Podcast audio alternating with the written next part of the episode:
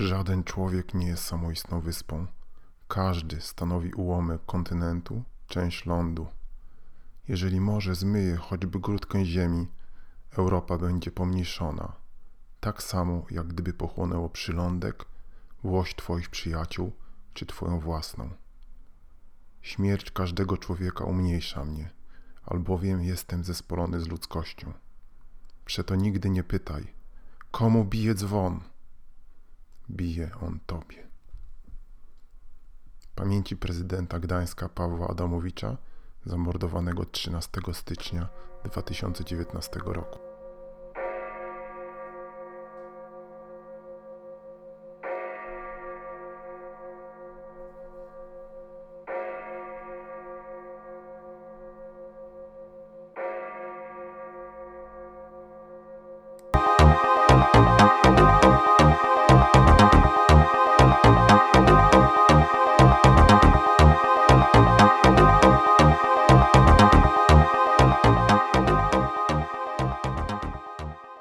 Dobry, nazywam się Jerzy Podlewski i witam Was w moim podcaście Ryzykonomia o ryzyku i zarządzaniu ryzykiem dla biznesu i obywatela szaraka.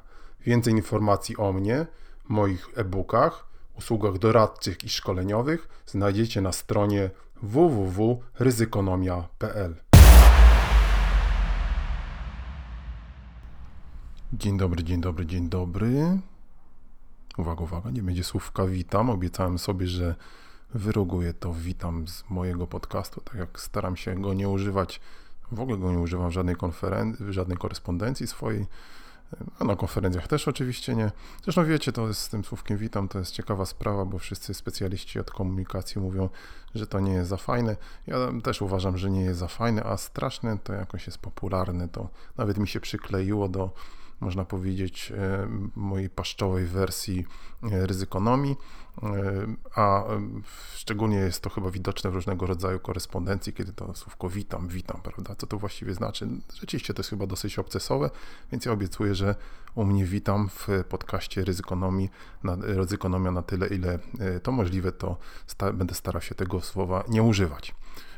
W każdym razie witam. w każdym razie Kolejny odcinek e, podcastu Ryzykonomia. Zaczęliśmy od e, krótkiego mm, cytatu z e, poety brytyjskiego XVI-XVII wiecznego Johna Donne, znanego zresztą skądinąd jako motto książki mm, Ernesta Hemingwaya Komu bije dzwon. John Donne, jako że nasz podcast bawiąc uczy. Pamiętacie tą frazę może z Papcia Chmiela? Wiecie, kto to Papcio Chmiel? No, sławny twórca, no, przynajmniej w pewnych kręgach, sławny twórca Tytusa Romka Atomka, ważnej powieści obrazkowo-filozoficznej, która, która ukształtowała wiele potężnych umysłów w tym kraju. No właśnie, w każdym bądź razie y, John, y, John Donne, XVI-XVII wieczny poeta metafizyczny. Ja muszę powiedzieć zawsze, jak czytam, gdzieś tam widzę tą, tą, to, mot, to motto, ten, tą frazę z, jak czytamy, 17 zdaje się rozważań Johna Donne, to dostaje gęsiej skórki, mnie przychodzi jakiś taki dreszcz. Tragiczne wydarzenie w Gdańsku, bardzo, bardzo tragiczne na pewno będziemy do niego jeszcze wracali z punktu widzenia bezpieczeństwa i, i w ogóle wpływu na naszą rzeczywistość. Teraz poprzestaniemy na, na tym krótkim cytacie, który jakoś nam się tutaj e, jak najbardziej przykleił do, do, do serca czy do myśli. Straszne wydarzenie. Ale oczywiście my mamy tutaj mm, inną, można powiedzieć, misję e, na teraz. E, nasz kolejny odcinek będzie ten odcinek poświęcony mapie ryzyk 2019 i y, planujemy tutaj taką miniserię, miniseria, która będzie swoistym przeglądem ryzyk z różnego rodzaju źródeł, z różnego rodzaju think tanków, y, z różnego rodzaju materiałów, które będziemy chcieli dla Was omówić, skomentować i myślę, że e, spotka się to z Waszym e, zainteresowaniem. Także, także za chwilę zaczynamy. Oczywiście jeszcze krótko mówiąc polecamy nasz portal Ryzykonomia, e-booki nasze, nasz newsletter, etc., etc. Wszystko to możecie znaleźć na naszej stronie Ryzykonomia, która zresztą właśnie podlega pewnym przemianom i mam nadzieję, że już niedługo zobaczycie ciekawe rezultaty. Mapa ryzyka 2019 to miniseria, którą Wam zaprezentujemy w kilku kolejnych odcinkach. Co to jest mapa ryzyka? Już wszyscy wiedzą, o tym wspominaliśmy, a więc takie graficzne, e, a w naszym przypadku paszczowo-wokalne przedstawienie ryzyk, które, e, które nam się pojawią w, albo się nie pojawią w 2019 roku. E, a propos tego słówka paszczowe, to wyjaśniam tym, którzy nie oglądali, chociaż podejrzewam, że wy wszyscy oglądaliście w filmie Ray, służy to takiego właśnie mm, określenia na, na można powiedzieć, odgłos wokalny, y, odgłos paszczowy, o to, o czym się mówi, ale to taki mały żarcik. Y, w każdym bądź razie y, Mapa ryzyka 2019 będzie przeglądem opisów przewidywań ryzyk globalnych, lokalnych, różnych, z różnych światowych think tanków, z różnych instytutów, z różnych znanych publikacji. Oczywiście mm, ryzykonomia, czyli mm, moja skromna osoba, mm, prowadzimy już takie mapy ryzyka od ponad, nie śmiemy powiedzieć, ponad 10 lat. Zawsze postulowaliśmy, że takie mapy ryzyka powinny być y, niekoniecznie rozumiane dosłownie, więc w formie tych kolorowych rysuneczków, ale w formie takiego dorocznego przeglądu ryzyka powinny być prowadzone na najwyższych szczeblach. Mm, kiedyś nawet chyba w 2011 roku, gdzie wygrzebaliśmy, że rząd Wielkiej Brytanii przeprowadził taki doroczny, specjalny, specjalny przegląd swojego rodzaju mapy ryzyka, ale to nie było chyba kontynuowane. Te mapy ryzyka są tworzone oczywiście na szczeblu różnych, różnych organizacji i, i biznesowych, i, i, i rządowych, i non-profitowych Natomiast wydaje mi się, że no właśnie to spojrzenie takie globalne, dzisiaj ogólne jest bardzo ważne. W naszym kraju y, tego rodzaju przyglądów prawie w ogóle się nie tworzy. No, do tego jeszcze wrócimy, poświęcimy oddzielny odcinek w ogóle zarządzaniu ryzykiem w sektorze publicznym, albo raczej, raczej jego braku w sektorze publicznym bardzo przecież ważnej części na naszego, naszego życia społecznego i gospodarczego. W każdym razie my te mapy ryzyka tworzymy, robimy te przeglądy. Chcielibyśmy, żeby one, one były jakimś punktem odniesienia do do y, różnego rodzaju y, rozważań i y, my zaprezentujemy kilka takich właśnie map ryzyka czy, czy różnego rodzaju analiz, które tak jak wspominałem poprzednio no w dużej czy w pewnej ilości się pojawiają, szczególnie na, na przełomie roku. I w tym odcinku, ten odcinek poświęcimy analizie dokonanej przez mm, amerykański think tank, e, mm, czyli taki y, firmę konsultingową, pewną, pewną grupę, e, grupę osób, które komercyjnie właśnie dokonują różnego rodzaju analizy ryzyk. Ten think tank nazywa się Eurasia Group, czyli Grupa Euroazjatycka, to taka nazwa marketingowa. Firma z Nowego Jorku, założona w 1998 roku przez Ayana Bremer, e, to skądinąd jest jeden z dziesięciu wylistowanych top influencerów na y, portalu LinkedIn. Zresztą ja o tym Ajanie Bremerze zawsze wspominam, kiedy y, różni przemądrzalcy próbują mi gdzieś tam wtykać palec w oko, że tu się o polityce nie dyskutuje. To nie jest oczywiście prawda. Ryzyko polityczne jest dzisiaj największe na świecie, najważniejsze i, i każdy, kto, kto czyta, kto, kto słyszy, to zdaje sobie z tego sprawę, więc no, nie można udawać, że go nie ma i nie przyklejać po prostu i przyklejać każdej osobie, która się interesuje tym jakże ważnym ryzykiem dla biznesu, ale nie tylko dla społeczeństwa, łatkę politykowania. Więc Ian Bremer, bardzo ważny, bardzo ważny e, influencer, znany na świecie e, i on właśnie założył tą firmę Eurasia Group, która ma swoje biura w Nowym Jorku, w Londynie, w Waszyngtonie DC, w Tokio, w São Paulo, w San Francisco, w Singapurze. Jest znanym mówcą i, i, i te raporty po prostu czyta biznes na całym świecie i one są gdzieś tam afiliowane. Jest jakieś partnerstwo z różnego rodzaju giełdami, więc myślę, że to jest bardzo ważne źródło i, mm, i ciekawe skądinąd i bardzo mm, i warto po prostu do niego spojrzeć i co my właśnie mamy zamiar uczynić w tym odcinku. 10 głównych ryzyk liczy ta lista ryzyk, czy mapa ryzyka, ktoś woli, stworzone przez Eurasia Group. I pierwsze ryzyko, od razu żebyśmy przeszli do rzeczy, nosi nazwę bardzo znamienną złe zasiewy czy skażone zasiewy, a więc takie wydarzenia czy takie kierunki rozwoju sytuacji globalnych na świecie, które e, niekoniecznie dzisiaj będą przynosiły złe skutki, ale one będą miały, można powiedzieć, złe skażone plony. I tutaj taka dosyć ponura, można powiedzieć, pesymistyczna konstatacja analityków Eurasia Group, że w ich ocenie ponad 90% wszystkich analizowanych trendów światowych, polityczno-gospodarczych, geopolitycznych, można powiedzieć, dzisiaj w złym kierunku. No to, jest, to, jest, to jest bardzo nieciekawe i tu począwszy od relacji transatlantyckich przez relacje Stany Zjednoczone, Chiny, relacje, co się dzieje w, w Unii Europejskiej, w NATO, w G20, G20, w G7, w World Trade, World Trade Organization, w, w Rosji, w Rosji i ich sąsiadach, co się dzieje, co się dzieje na Bliskim Wschodzie, w Azji, chociaż nie tak bardzo.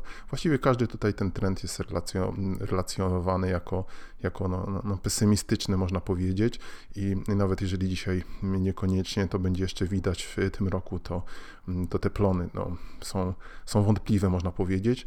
I tutaj kilka takich, można powiedzieć, e, głównych kierunków, tych złych zasiewów, które zresztą są e, później bardziej szczegółowo omówione dalej, a więc sytuacja w Stanach Zjednoczonych, w właśnie to, co, to, co robi Donald Trump.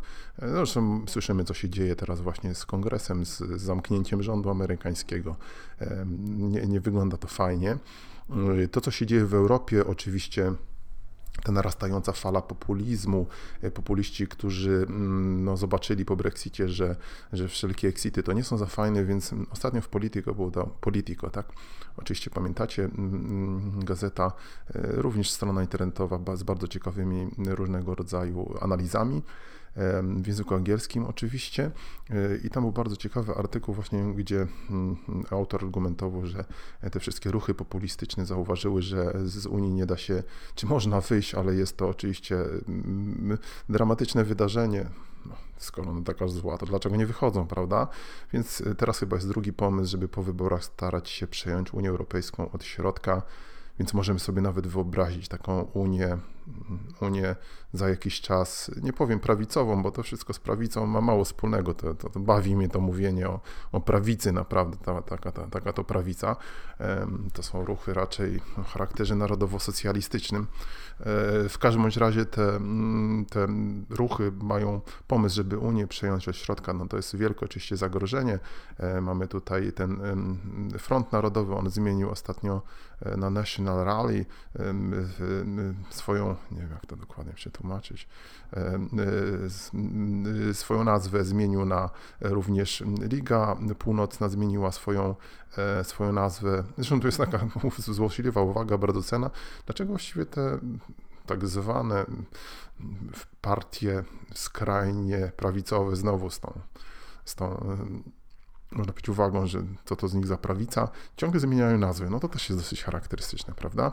No więc, y, no więc w, Europie nie dzieje się fajnie, we Francji nie dzieje się fajnie, y, w system tych, y, następny ten zły zasiew to w ogóle cały, można powiedzieć, psujący się system tych globalnych aliansów, globalnych, globalnych sojuszy który słabnie. Trump ma zupełnie inny pomysł, o ile oczywiście on ma jakikolwiek pomysł i przede wszystkim, co chyba jeszcze ważniejsze, to erozja takich wspólnych, e, dzielenia się wspólnymi wartościami, bo to jest, to jest najważniejsze, jak demokracja, jak e, prawa człowieka, jak wolność prasy, jak, jak niezależne sądy, to jest niestety taki jakiś zgniły wiatr, który wieje przez, e, przez cały świat.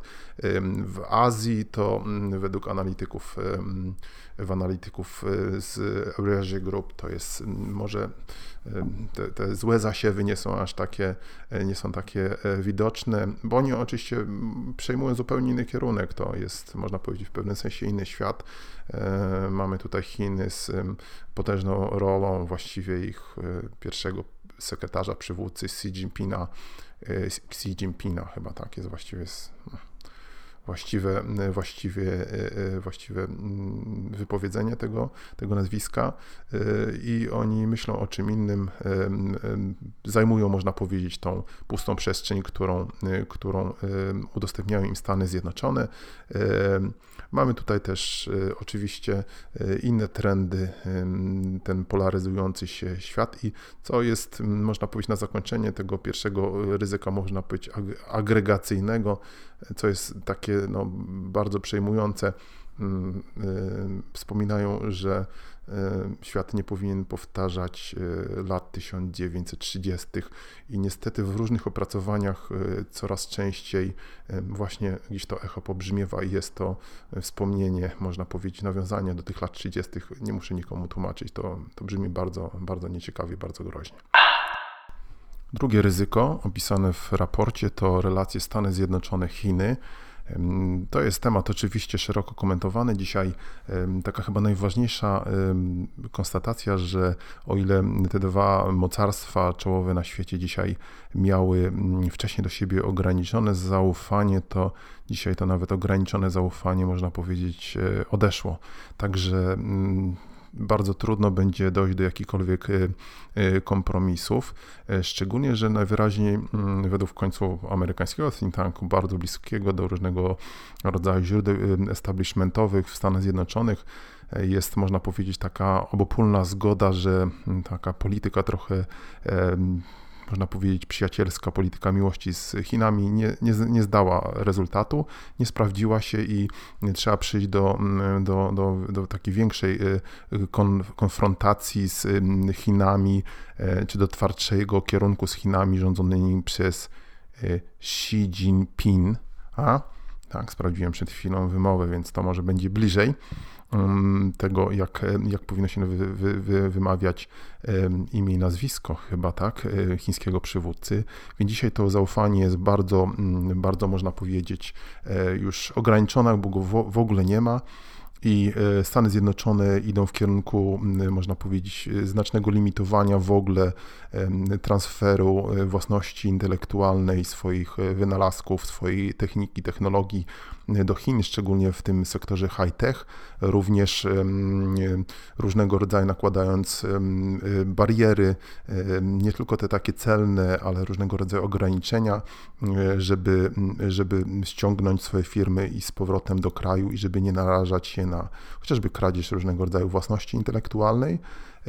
Oczywiście Chiny będą tutaj, można powiedzieć, przeciwdziałać i kontruderzać po swojej stronie, więc to na pewno nie, nie jest klimat, można powiedzieć, e, porozumienia.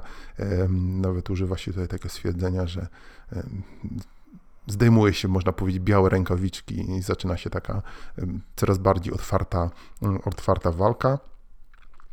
E, oczywiście nie jest to na dzisiaj e, konfrontacja militarna, bo mm, jak się wydaje, Chiny nie są gotowe na taką konfrontację w żadnym kierunku, ani nawet, żeby rzucić otwartego wyzwania Stanom Zjednoczonym, ale z drugiej strony analitycy zwracają uwagę, że w takim, można powiedzieć, atmosferze braku zaufania nie jest trudno o eskalację jakiegoś konfliktu, chociażby na tym e, Morzu Południowochińskim, gdzie Chiny budują swoje bazy, która jest takim terenem spornym, więc w przypadku jakiegoś, można powiedzieć, ogniska zapalnego, jakiejś e, małej szczapy płomienia, dużo trudniej będzie taki e, płomień zgasić, czy w jakiś sposób ograniczyć. Kolejne ryzyko numer 3 wymienione w raporcie, raczej cyberryzyko. Bardzo ciekawe, bardzo ciekawe są tutaj konstatacje analityków Eurasia Group. Używają, często tutaj się przewija słowo deterrence, czyli odstraszanie. Pamiętamy wszyscy, to jest takie słowo z czasów zimnej wojny, z czasów wyścigu nuklearnego. W każdym razie Stany Zjednoczone idą właśnie w kierunku takiego cyber e, odstraszania, e, czyli mm, zupełnie e, nowego podejścia do, do cyberataków, które oczywiście dzisiaj to, to, o czym słyszymy, największe zagrożenie mają te ataki, które w różny sposób uderzają w infrastrukturę albo są, można powiedzieć, jakoś kierowane przez, przez wrogie państwa. I To jest pomysł właśnie ta, to takie odstraszanie, ale tu zauważają właśnie analitycy z tego raportu, że, ta, że to tak nie działa, ta, ta, to odstraszanie w przypadku, w przypadku cyberataków, bo chociażby tutaj bardzo trudno, jeżeli to miałoby odstraszanie być skierowane na takich e, wrogów, no jak trudno sobie inaczej wyobrazić, skoro mu, no to jest pomysł Stanów Zjednoczonych, rządu Stanów Zjednoczonych, pomysł Trumpa, e, że jest o tyle trudno, bo trudno tu o takie wyraziste linie między, między tymi źródłami ataków, bo one są często, często niejasne, czy to, czy to państwo zaatakowało rzeczywiście, czy to ktoś, e, można powiedzieć, stymulowany w jakiś sposób przez państwo, czy to w ogóle jest atak jakiś, można powiedzieć, prywatnych hakerów, czy w inny sposób, można powiedzieć, w inny sposób, inne są ich przesłanki. E, więc tu jest brak, trudne, trudne wytyczenie i wtedy no właściwie kogo my mamy odstraszyć, tak? Czy jeżeli ktoś zaatakował z państwa X, e, no to czy znaczy to równoznaczne jest, że, że powinniśmy, można powiedzieć, odwdzięczyć się temu, temu państwu. Inne problemy z tym odstraszaniem to jest chociażby to, że te bronie, prawda, cyberbronie, no one nie są tak jak rakiety atomowe, że sobie tam gdzieś stoją latami, one się bardzo szybko stają, można powiedzieć, przestarzałe, również same cele znikają chociażby, prawda, no bo był jakiś tam brygada mm, radzieckich cyberatakowników mieszcząca się w Chabarowsku, prawda, y, i później ona gdzieś tam wzięła walizki, wyjechała, no i kogo tutaj zaatakować, prawda, y, może tam jest piekarnia teraz, y, na przykład, prawda. Więc to jest, to jest, to jest trudne również z tego względu.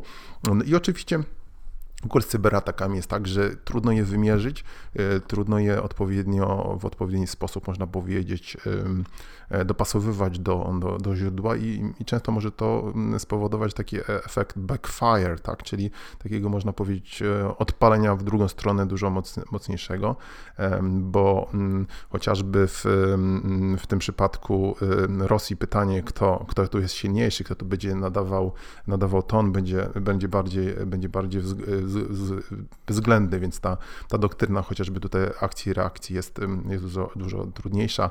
No, pojawiają się nawet takie pomysły, żeby, żeby można powiedzieć, że w rządzie Stanów Zjednoczonych, czy, czy w tych ich kręgach rządowych, e, kręgach decydenckich, żeby w jakiś sposób upoważnić nawet sektor prywatny do takiego hackbackowania, tak? czyli takiego kontrataku. No, czyli no, trudno sobie wyobrazić, firmy będą amerykańskie e, atakować e, w rząd chiński, czy jakiś tam inny, prawda? No oczywiście, no właśnie to jest ten problem w tych demokracjach, w tych krajach wartości, że, że no, z drugiej strony takich problemów, jak słyszymy, nie ma, tak? Następna rzecz to właśnie kolejne takie problemy, to jak już wspomniano tutaj, to jest właśnie z tym, kto, kto tu będzie mocniejszy. E, druga, że Mamy tutaj cały zakres, jeżeli nawet odstraszanie może działać w kierunku takich krajów jak Rosja czy Chiny, no tutaj, tutaj mamy całą, można powiedzieć, gamę różnego rodzaju aktorów rządowych, quasi-rządowych, którzy nie mają specjalnie nic do stracenia albo w ogóle mają inne przesłanki.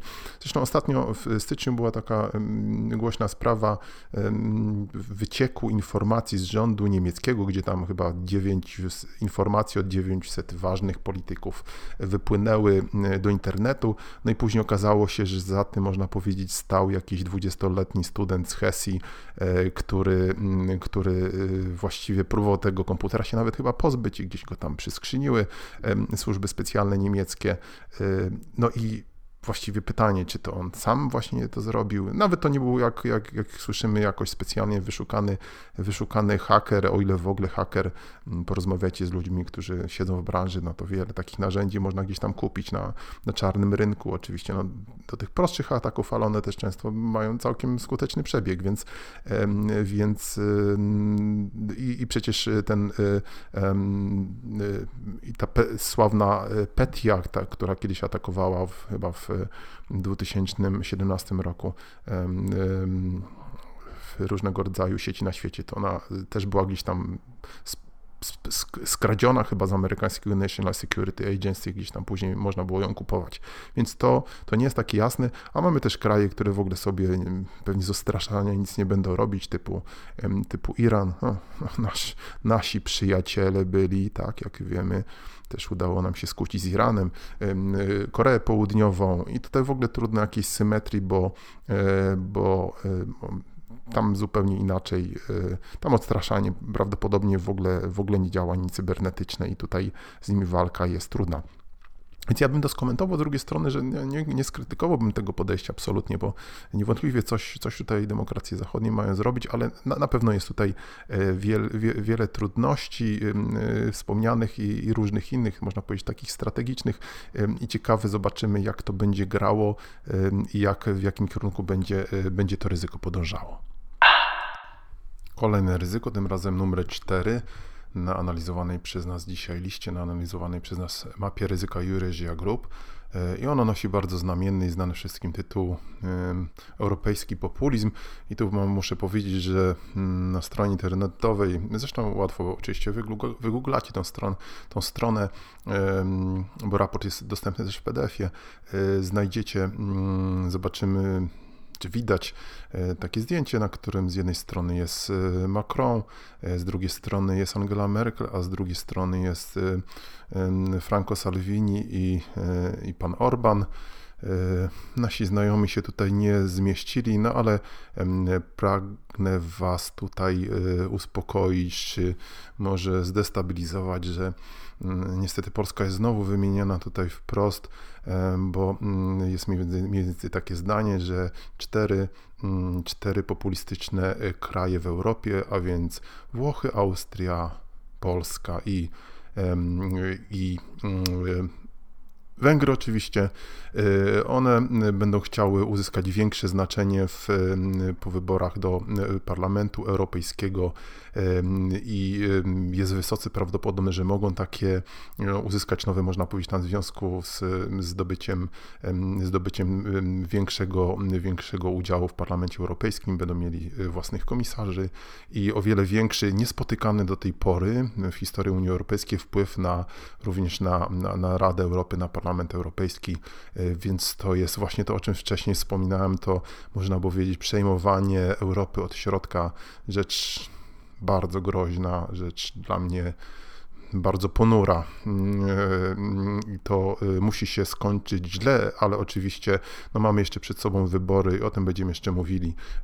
I ważne, ważne co, co, co będzie tak naprawdę po tych, po tych wyborach. Bo problemy oczywiście w Europie są, no i populiści to doskonale wykorzystują, a więc kwestie, mm, kwestie strefy euro, kwestie migracji, kwestie handlu, e, przestrzegania prawa, mm, i tu chociażby Polacy, mm, część przynajmniej polskiego społeczeństwa mm, wzbudziło różne, mm, różne nadzieje, właśnie to, co Unia Europejska ostatnio postanawiała, no chociażby w, w kwestii przestrzegania e, praworządności w Polsce, ale e, proszę zwrócić uwagę, że gdyby doszło właśnie tutaj do istotnych zmian w składzie Parlamentu Europejskiego w, po wyborach e, w czerwcu, tak, no to wtedy to wszystko może stać się zupełnie nieaktualne, tak, tak można powiedzieć i e, to jest, to jest takie, można powiedzieć, no, wielkie ryzyko, na którego, a inni oczywiście uważać, że jest wielka szansa dla Europy, prawda? No, My tak nie uważamy, ryzykonomia tak nie uważa. Jak wiecie, zresztą to jest nam problem bliski, można powiedzieć, naszemu sercu, ale jesteśmy też Europejczykami. E, jestem Europejczykiem, więc, więc trudno, żeby, żeby nie było, a więc europejski populizm, e, ryzyko numer 4. Kolejne ryzyko, ryzyko numer 5 Stany Zjednoczone w domu, tak mniej więcej można by to podsumować. To, co się dzieje w Stanach Zjednoczonych, e, to jest oczywiście sprawa pewnie dużo bardziej skomplikowana z punktu widzenia analizy ryzykonomii. E, sporo na ten temat czytamy, ale oczywiście tutaj jacyś Amerykaniści mogliby, e, mogliby więcej powiedzieć. Natomiast generalnie rzecz biorąc, konstatacja jest taka, no, think, tank, think tank jest, jest z Stanów Zjednoczonych, więc nic dziwnego, że on poświęca dużo uwagi Stanom Zjednoczonym. Z drugiej strony jest to największa gospodarka na świecie, więc więc to też nie jest dziwne, prawda, bo ma wielki wpływ na, na to, co się dzieje na świecie. Generalna konstatacja jest taka, że będzie bardzo duża, można powiedzieć, niepewność i zmienność polityczna. Zresztą się już słyszymy o zamknięciu rządu amerykańskiego, tak, amerykańskie, można powiedzieć, rządowe, różnego rodzaju jednostki, organizacje, jednostki, tak można powiedzieć, nie otrzymują ich pracownicy wypłaty. Nawet jest problem, jak być może słyszeliście, z tym sławnym State of the Union, kiedy e, Nancy Pelosi, liderka liderka większości demokratycznej e, w Izbie, w Izbie Reprezentantów e, w, w, przeszkadza, można powiedzieć, czy, czy, czy, czy dała do zrozumienia, wręcz napisała do Trumpa, że nie będzie mogło się to odbyć e, w, e, w tym, przynajmniej w tym tradycyjnym czasie, bo, bo nie ma dostatecznej ochrony. Trump z kolei odpisuje, że, że może to zrobić gdziekolwiek i, i no w każdym razie wielkie zamieszanie. Takie rzeczy się nie działo wcześniej, więc tutaj Trump oczywiście e, znowu z różnymi swoimi pomysłami Autorzy analizy konstatują wciąż, że mimo wszystko te tra tradycyjny check and balances, ten system, można powiedzieć, prawno-polityczny jest zbyt, zbyt silny, jednak chociażby Sąd Najwyższy, żeby, żeby się z nim Trump zmierzył w takiej otwartej walce, ale, ale nigdy nie wiadomo, może, może próbować. Są ciągle na na stole, można powiedzieć, kwestia impeachmentu Trumpa, a jeżeli nie impeachmentu, to autorzy przewidują, że mogą jego, można powiedzieć, oponenci polityczni próbować się dobierać do, do jego rodziny, która, jak nam wiecie, jest również bardzo zaangażowana, bardzo to dziwne naprawdę wszystko, co się dzieje w Stanach Zjednoczonych, więc tutaj jakiś kryzys konstytucyjny, rządowy, polityczny jest możliwy, ale, ale trudny, e, trudny do przewidzenia i to oczywiście będzie e, miało wpływ na gospodarkę Stanów Zjednoczonych, która chociaż e, ma się dobrze, ale w przypadku jakiegoś zwolnienia to mogą być takie czynniki, które będą działały oczywiście e, w kierunku, można powiedzieć, negatywnym, a nawet na końcu to autorzy wspominają, że jest taki, można powiedzieć, ryzyko gruby, grubego ogona, czyli tego ogona oczywiście rozkładu prawdopodobieństwa, a więc takiego ryzyka nie, nie, niespodziewanego o o niskim o niskim prawdopodobieństwie, chociażby y, związanego z jakimiś y, zamieszkami ulicznymi, szczególnie y, podobnymi do tego, co się działo w latach 60., 70. w Stanach Zjednoczonych i przy tak głębokiej polaryzacji społeczeństwa amerykańskiego, przy tym hejcie, który się wylewa, zresztą jak na całym świecie, to, to łatwo może dojść do jakiejś niespodziewanej eksplozji.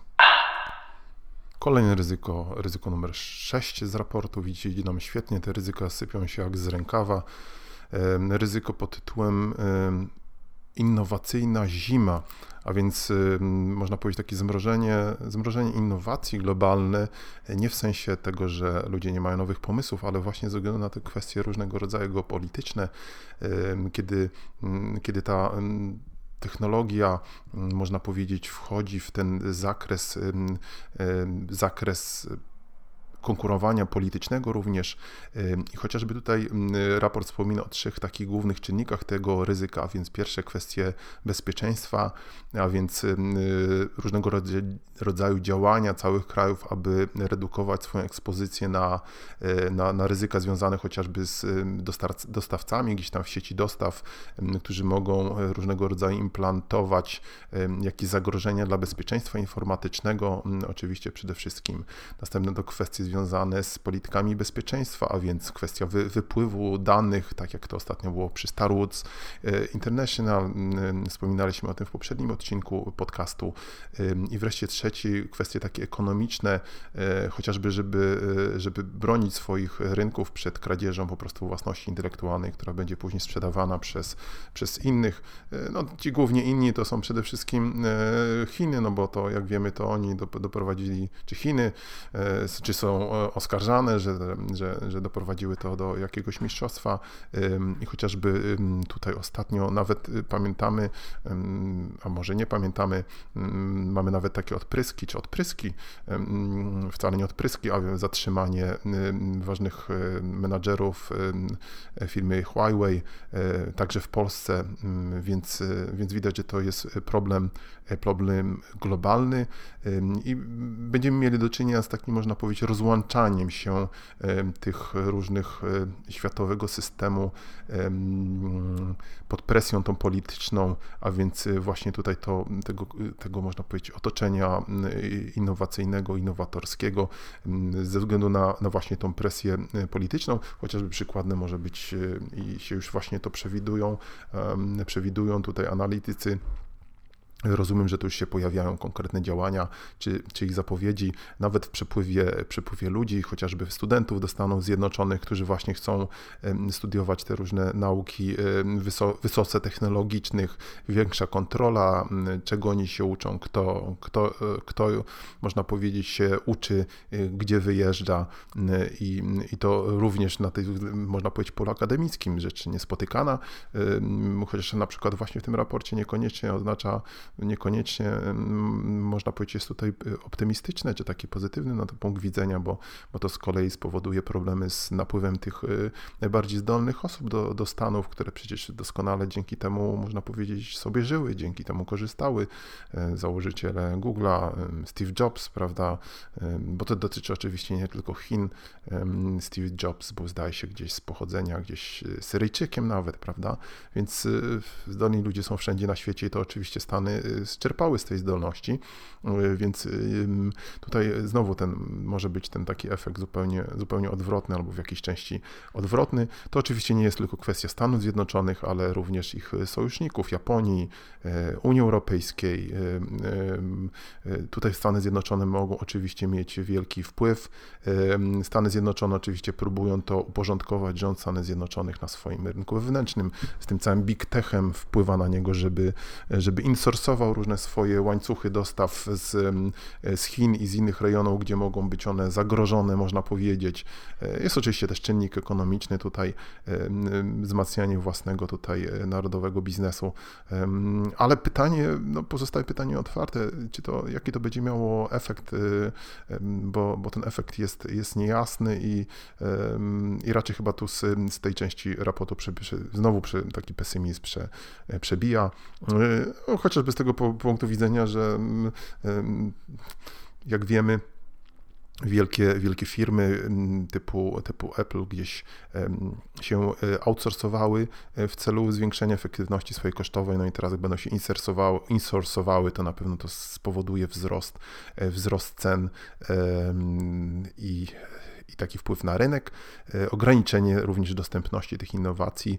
E, w tle oczywiście tutaj jest wymieniana i to jest znowu taki, można powiedzieć, temat dnia. Ostatnio, e, ta nowa sieć 5G, o tym będziemy wspominali, czyli taka super szybki internet mobilny, no i tutaj chociażby jest znowu rozgrywka między Stanami Zjednoczonymi i Chinami, kto będzie tutaj głównym dostarczycielem tej infrastruktury? I wygląda na to, że tu nastąpi znowu taki podział, że skoro my, wy nam robicie problemy z dostarczaniem y, do Was, no to my Wam zrobimy to samo do nas, prawda? I, i znowu tutaj gdzieś tam ekonomia gdzieś zejdzie na, na, na drugi plan, a będą kwestie polityczne, ale z drugiej strony no, osobiście uważam, że to rzeczywiście kwestie infrastrukturalne, to trzeba, trzeba podchodzić do nich bardzo, bardzo um, ostrożnie i ostatnio właśnie ktoś, często tak słyszę, a propos właśnie, że ludzie z uśmiechem mówią, a bo nas wszyscy szpiegują, tak? No, ja odpowiadam zawsze, no, jeżeli ktoś ma już szpiegować, to szczerze mówiąc wolę, żeby to był rząd amerykański niż rząd jakiegoś e, państwa totalitarnego. Drugi argument, no, z jakiegoś powodu pół świata chce przeskoczyć e, płot do Ameryki. Nie słyszałem o tym, żeby te kraje, które właśnie nie ma, miałoby problemu, że z nas mogą podsłuchiwać, żeby tam do nich masa ludzi z jakiegoś powodu chciała przeskoczyć płot. Więc bądźmy ostrożni też w takich poglądach, e, bo bo one są nieuprawnione i łatwo mówić, ale, ale nie, nie, nie mają one moim zdaniem głębszego sensu. Moim zdaniem oczywiście, bo każdy może mieć tutaj inny na to pogląd.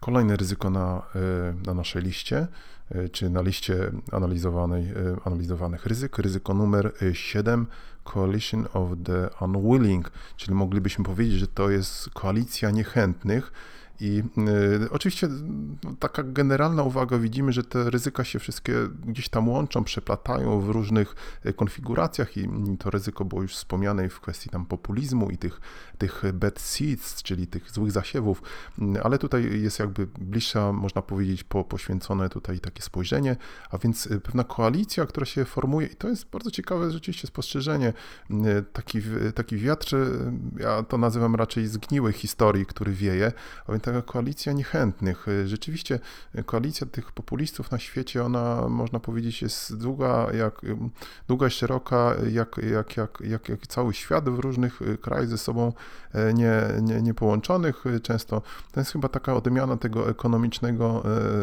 e, zjawiska zarażania e, i tutaj rzeczywiście mamy różne takie podobne pomysły się, ten, ten wiatr populistyczny historii wieje mm, i w Europie e, mamy, mamy Włochy, mamy w Brazylii tego pana Bolsonaro, mamy, mm, mamy w mm, Erdogana w Turcji, mamy w e, Mamy w Korei, mamy, w, mamy oczywiście Putina, gdzieś tam jest taka właśnie oni ze sobą, e, mamy w Arabii Saudyjskiej znowu, prawda, problemy, e, problem, e, czy, czy różnego rodzaju no, jakby zawirowania.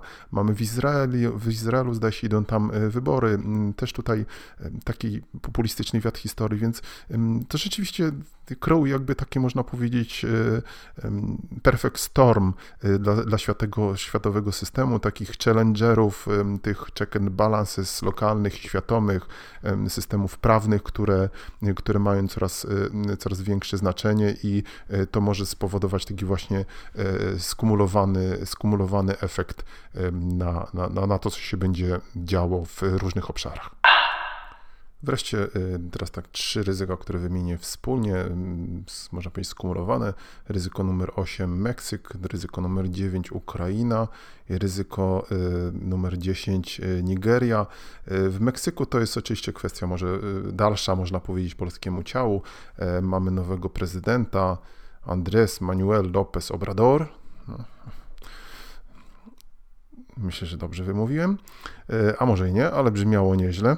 E, przynajmniej dla mnie, e, więc on tutaj, e, to też pewnie tak jak wynikało, wynika by z tej analizy, to jest taki kolejny, kolejny, można powiedzieć, powrót do przeszłości, czyli znowu Make Mexico Great Again, czyli znowu podobny pomysł jak Trumpa, czyli powrót do pewnego rodzaju pomysłów z lat 60., 70., znowu większe wydatki socjalne, czyli no, gonna podobna kwestia, można powiedzieć, z jaką mamy do czynienia na, na całym świecie, a, a, to jest państwo no, skądinąd bardzo ważne również z punktu widzenia relacji ze Stanami Zjednoczonymi, e, to oczywiście wiemy. E, raport jest, można powiedzieć, amerykański. Dalej mamy Ukrainę. Na Ukrainie nadchodzą wybory i wcale nie jest tak, tutaj wieszczą i analizują analitycy Juryżia Grub, że Rosja specjalnie ma ochotę na jakąś e, interwencję, ale będzie na pewno tutaj, można powiedzieć, nakłuwała Ukrainę i jak najbardziej nie wypuści Ukrainy ze swoich objęć, bo Rosja stanowczo uważa, Putin uważa, tak, Rosja, że, że to jest strefa wpływów rosyjskich i, i, i zobaczymy, jaki będzie efekt wy, wyborów, kto tam wygra. Raczej wieszczą analitycy, że to będzie kierunek raczej proeuropejski, no ale to znowu będzie pewnie jakoś stymulowało Rosję do, do większego wpływu i tutaj różne rzeczy się znowu mogą wydarzyć, takie, takie niespodziewane czarne łabędzie, bo kiedy można powiedzieć, drwa rąbią, wióry lecą, czy są tutaj jakieś iskry, to łatwo może coś, coś zapłonąć, e, także to też jest nieprzewidująca kwestia, a z punktu widzenia, można powiedzieć, wielkości tego kraju, jego, jego umiejscowienia, to, e, to, to w wielkim znaczeniu, no w wielkim znaczeniu dla Polski. Muszę powiedzieć, że mnie to, mnie to zawsze dziwi, jak mało się e, w ogóle w Polsce mówi e, i bierze pod uwagę te, e, to, to ryzyko, szczególnie, że to jest kraj przecież tak Polsce bliski, za naszą granicą, toczy się tam w zasadzie konflikt zbrojny, wojna. Ostatnio w cieśninie kerczeńskiej na Morzu Azowskim słyszeliśmy o tych zatrzymaniach, również walkach na morzu już toczonych, więc kraj nam bardzo bliski i w Polsce jest skądinąd mnóstwo, mnóstwo Mm, osób z Ukrainy. No więc jakoś to dziwnie jest, szczerze mówiąc, że tak, tak, tak cicho w Polsce o tym, y, jak y, biorąc pod uwagę, jak, jak wielkie znaczenie ma ten, ma ten kraj dla, e, dla, sytuacji, dla sytuacji w Polsce. Dlaczegoś tak jest, nie, nie, nie do końca rozumiem, dlaczego, mm, a może mam jakieś swoje e, e, przemyślenia. Mm, no, jakie sformułuję, lepiej to z Wami się postaram podzielić. E, mamy wreszcie ryzyko e, numer 10, e, Nigeria. Mm, to jest bardzo duży oczywiście kraj. Miałem tam kilku kolegów z Nigerii, bardzo, bardzo fajni, bardzo fajni goście. Olbrzymie złota ropy naftowe, złoża ropy naftowej, oczywiście bardzo ważny na kontynencie afrykańskim.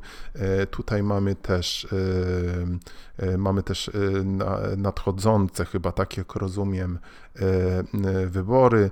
Mamy dwóch kandydatów Muhammadu Buhari i Atiku Abu Abu Bakar, którzy mają trochę inne, a może nawet diametryczne inne spojrzenie na to, co, co, co się powinno w, Niger, w Nigerii dzia, dziać, więc to oczywiście każdy rezultat jest możliwy i biorąc pod uwagę, że jak y, tutaj konkludują autorzy raportu, jest to, y, można powiedzieć, najważniejszy, najważniejszy mm, można powiedzieć, rynek, najważniejszy, być może jeszcze jeden z najważniejszych krajów Euro, Afryki, więc to oczywiście może mieć i będzie miało istotne znaczenie na to, co się będzie działo na arenie globalnej. To była lista 10 ryzyk, ale jeszcze mamy ryzyko extra z takim asterixem, czyli gwiazdką przydzielone tutaj przez analityków, a jest to oczywiście Brexit. Mówiąc krótko, czarny dym, nikt nic nie wie i e, żeby to wszystko podsumować, e, nie wiadomo co się wydarzy, więcej tu jest pytań niż odpowiedzi. Widać naj, naj, największe, najtęższe głowy analityczne nie wiedzą, czy będzie hard, czy soft, czy będzie referendum, czy wyjdą, czy nie wyjdą. No, totalny bałagan, ale na pewno ryzyko olbrzymie, bardzo ważne i dla strefy euro, i dla świata, i oczywiście dla samej Wielkiej Brytanii. E, także czarny dym. Zobaczymy. To była pierwsza część cyklu Mapa Ryzyka 2019. Czekajcie już wkrótce na kolejne odcinki. Subskrybujcie nasz podcast na iTunes i Android. Wkrótce wracamy. Do usłyszenia. Bye, bye, bye.